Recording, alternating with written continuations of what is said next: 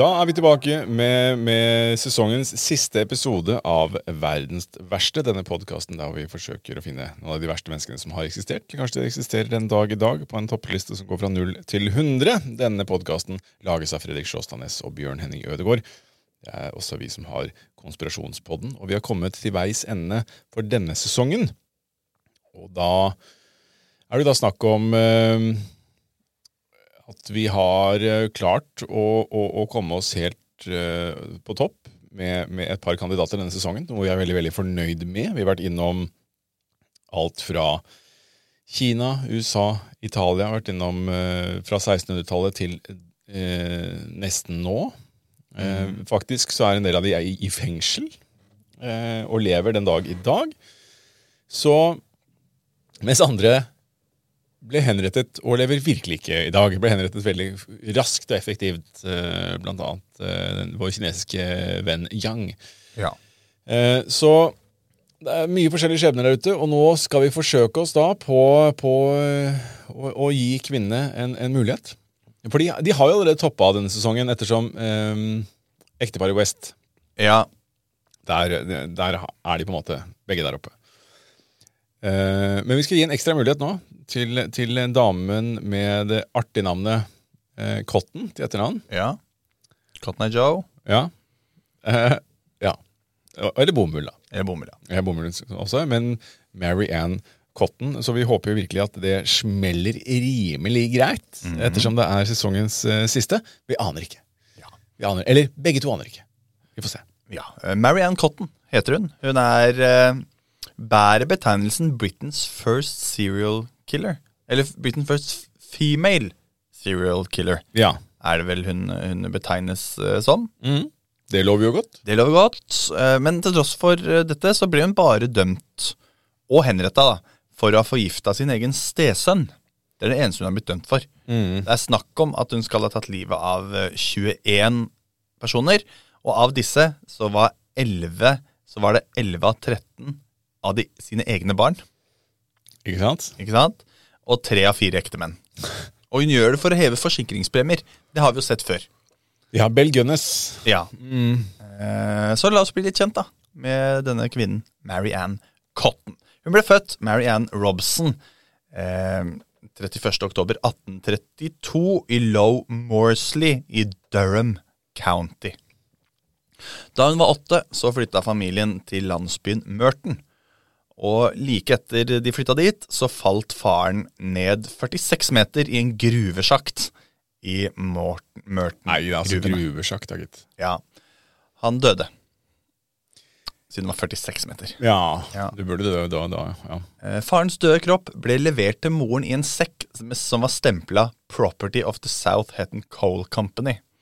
Ja. Her er din døde mann. Klunk. Eh, Vi må ha tilbake posten. Altså, ja, for det er litt sånn, for boligen de bodde i, var jo tilknytta farens jobb. Så da sto de Og da var det ikke noe sånn Vi skal ta vare på dere fordi mannen deres døde på jobb. Nei. Så skal vi sørge for at dere får i hvert fall bo her. Eh, nei da. De sto i fare for å bli kasta ut. Så da hiver mora seg rundt og gifter seg med George Stott, som også var gruvearbeider. Og da kunne familien bli boende. Ja. ja.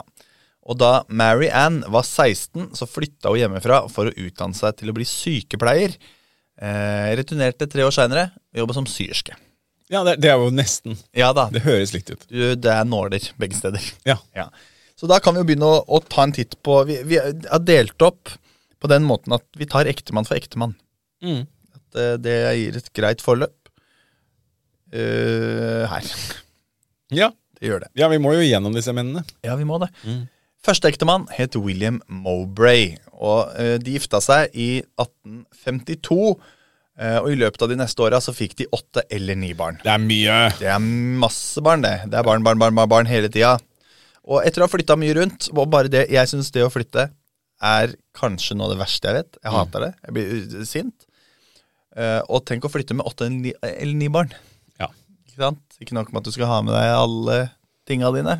Ha med unger òg og åtte, eller ni. Ja. Eh, men de bosatte, bosatt seg til slutt i Henden, også det i Durham County. Da, så de holder seg jo i samme fylke. Mm. I hvert fall.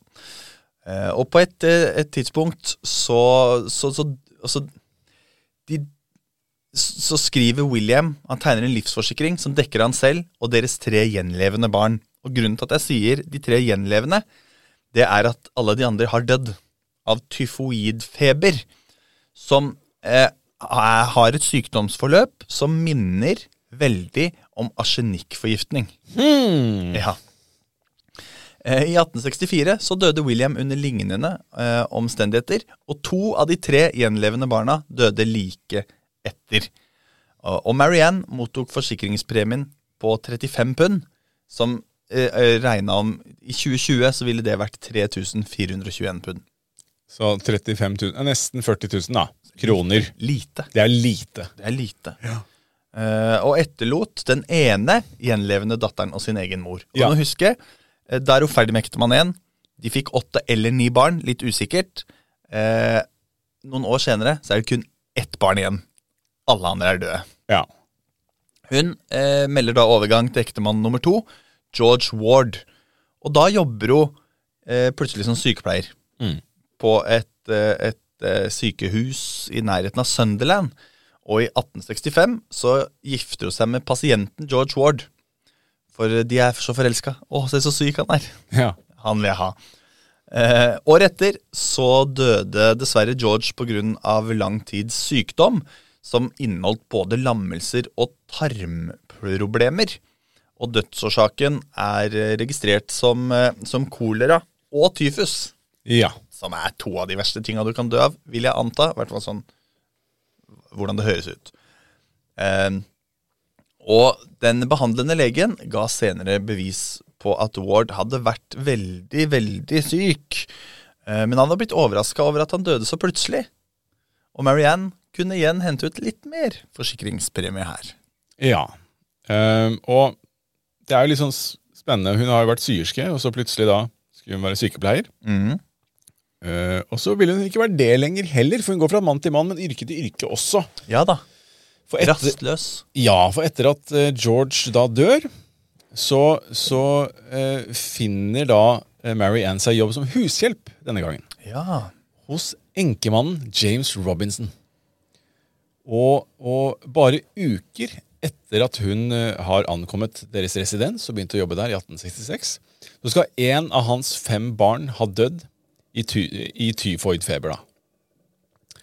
James på sin side søkte trøst hos Marianne, noe som da resulterte i at Marianne ble gravid. Så Ja. det er jo også en måte å søke trøst på. Det er den ultimate trøst. Det er den ultimate trøst, må man kunne si. Og like etter ble Mary Ann, sin mor, syk av hepatitt, og, og datteren dro dermed på besøk. Og til tross for at moren var på bedringens vei, begynte hun å klage over magesmerter, og moren døde i 1967.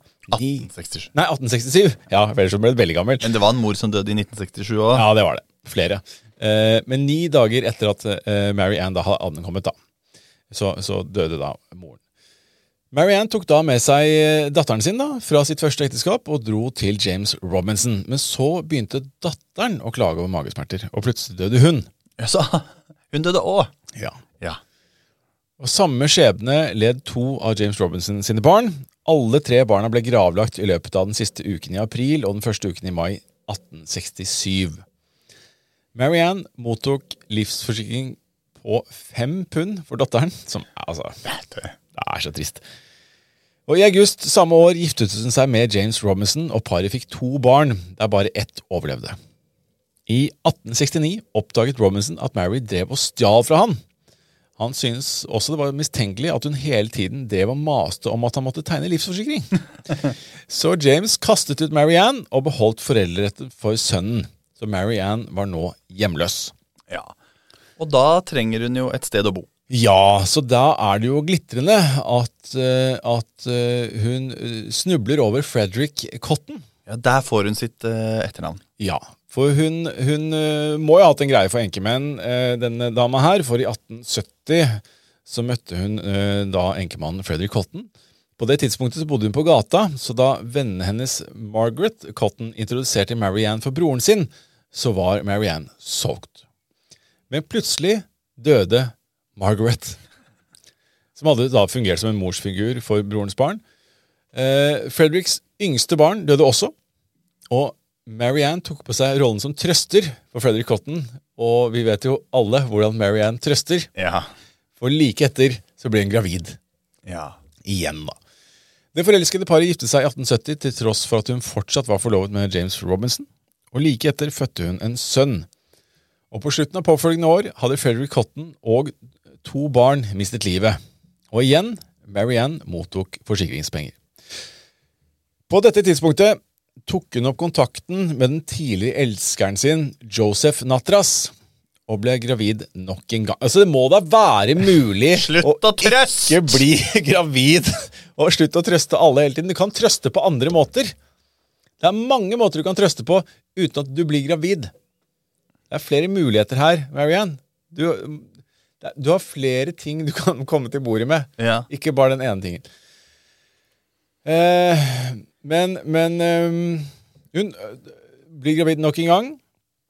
Eh, men med en annen mann denne gangen. Selv om han er gjenopptatt. ja. Og rir flere hester, da. Rir flere. Ja. Rir flere. Eh, så selv om hun har ø- ø- tatt, tatt opp da kontakten med Joseph eh, Natras, så, så blir hun gravid med Johnny Quick Manning. For Natras døde i 1872, og eiendelene ble overtatt, eh, overlatt til Marianne. Hun skal på dette tidspunktet ha hevdet at hun ikke kunne gifte seg med Quick Manning pga. den syv år gamle stesønnen Charles Edward Cotton. Men løsningsorientert som hun var, skal hun da ha uttalt I won't be troubled long. Og vips var stesønnen død. ja, ikke sant. Og denne utdannelsen ble meldt eh, ifra om til politiet, og en obduksjon avslørte at han hadde store mengder arsenikk i magen. Da ble også Natras og to av Cotton-barna undersøkt. Arsenikk i magen der òg. Ja, ikke sant. Og det her førte jo da til at Marianne ble sikta for å ha drept Charles Edward Cotton. Og da hun var i fengsel, så fødte hun like greit en datter. I januar 1873. Denne datteren og ett barn til var de eneste barna som overlevde sin mor. Mm. Elleve andre, vel, som eh, døde. Ja.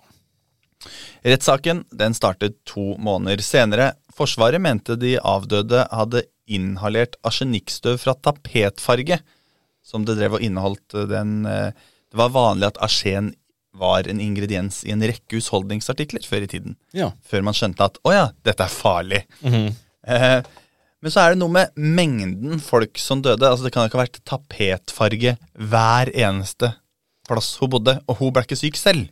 Nei. Så hun ble dømt til døden. 24. mars 1873 så ble Mary Ann Cotton hengt. Og eh, selve henginga det ble utført av det som i ettertid har blitt omtalt som a notoriously clumsy hangman. For den, der, den felledøra den var ikke plassert høyt nok. Så eh, nakken hennes knakk ikke. Noe som tvang bøddelen til å trykke Han drev og hang på skuldrene hennes for å dytte henne ned, sånn at hun skulle kveles. Og det tok da ca. tre minutter før hun døde. Da tror jeg jeg hadde tatt opp løkka og så sagt sånn Vi prøver igjen. Ja. Ja. Men det var meg. Jeg er ingen bøddel. Eh, hun, jo, hun tilsto aldri noen av dødsfallene. Eh, antallet ofre er litt usikkert, men eh, det er antatt at det er opp mot eh, 21 stykker. Mm. Noe som er mange nok, etter min mening. Eh, men hvorfor slapp hun unna? Og det er det fordi hun brukte arsenikk. Og arsenikk, sykdomsforløpet, er eh, tilnærmet likt sånn tyfoidfeber. Ja. Og før 1830-årene altså det, var veldig, det var tilnærmet umulig å spore. ja. Men at det er hun som har drept de, det er jeg eh, ganske sikker på. Ja. Det kan jeg sitte her og si eh, godt over 100 år senere. Ja. Ja, nei, det er det jo liten tvil om. At alle dør, at hennes eget barn dør. Og det er altså sånn Og så Bare Så mye barn! Ja. For så utrolig mye barn. Eh, hele tiden. Og fikk barn med henne, barn der, barn der. Det er sånn, men tegn i det minste forsikringer som er store nok, da. ja, så slipper du å drepe så mange. Fem pund? Altså, så, ja, du, her er 1200 kroner. Datteren din døde. Mm. I dagens verdi. Altså, Det er meningsløst. Ja. I alle dager, for en møkkakjerring.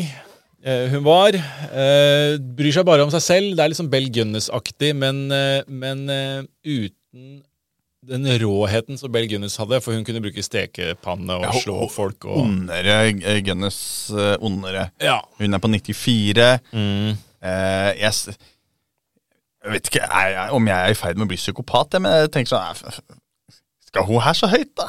jo, jeg, jeg tenker litt det samme, eh, jeg òg. Så det er selvfølgelig utrolig kjipt å drepe barn og, og få gift og sånn. Gift er jo dog bedre enn tortur og barnemishandling og den slags. Uh, og det er for pengene sin del. Hva gjorde Nanny Doss? Hun gjorde vel noe av det samme. Ja, hun er på 50. Ja. Og hadde mye voldelige ektemenn og sånn. Eh, Nanny Doss tok eh, 11.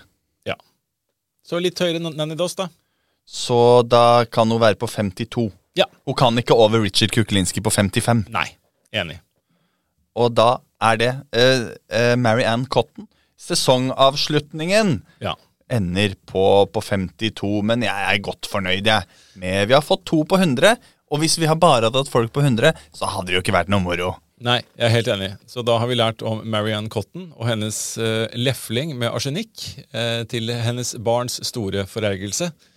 Man kunne jo håpe at man hadde en mor som var bedre enn det, Ja. og som uh, bare trøster med tissen. ja. La oss være ærlige.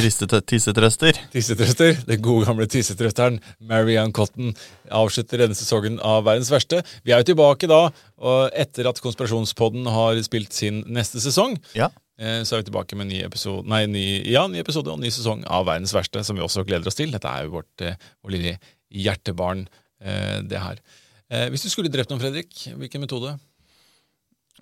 Uh, nei, gitt de noe i maten? I- Godt for noe i maten, ja. Ja. Ja. Gift. Slipper jeg å se på. Forgifte. Ja. Lite mid liten middag i Dumaen i Kreml der. ja. Liten eh, dråpe i maten, og så stikker jeg. I'm long gone before you find out. Ja, for du, du er ikke sånn du vil se det og sånn? Helst Nei, det ikke. orker jeg ikke. Nei, jeg jeg. Jeg vil jo helst ikke drepe noen, jeg, da. Nei. Ja, men la- være å gjøre det, da. Og det, dere som hører på også, la være å gjøre det fram til eh, vi høres igjen. Og da må du gjerne sette i gang. Nei, ikke sette i gang. Egentlig bare la være å drepe folk. Ja. Men du kan sette i gang og lytte. Du kan sette i gang og lytte. Så vi er tilbake med en ny sesong eh, etter Konspirasjonspodden har eh, gjort sin gang, som starter opp nå veldig, veldig snart. Og vi gleder oss til en ny sesong av det også. Kos dere! Gjør det.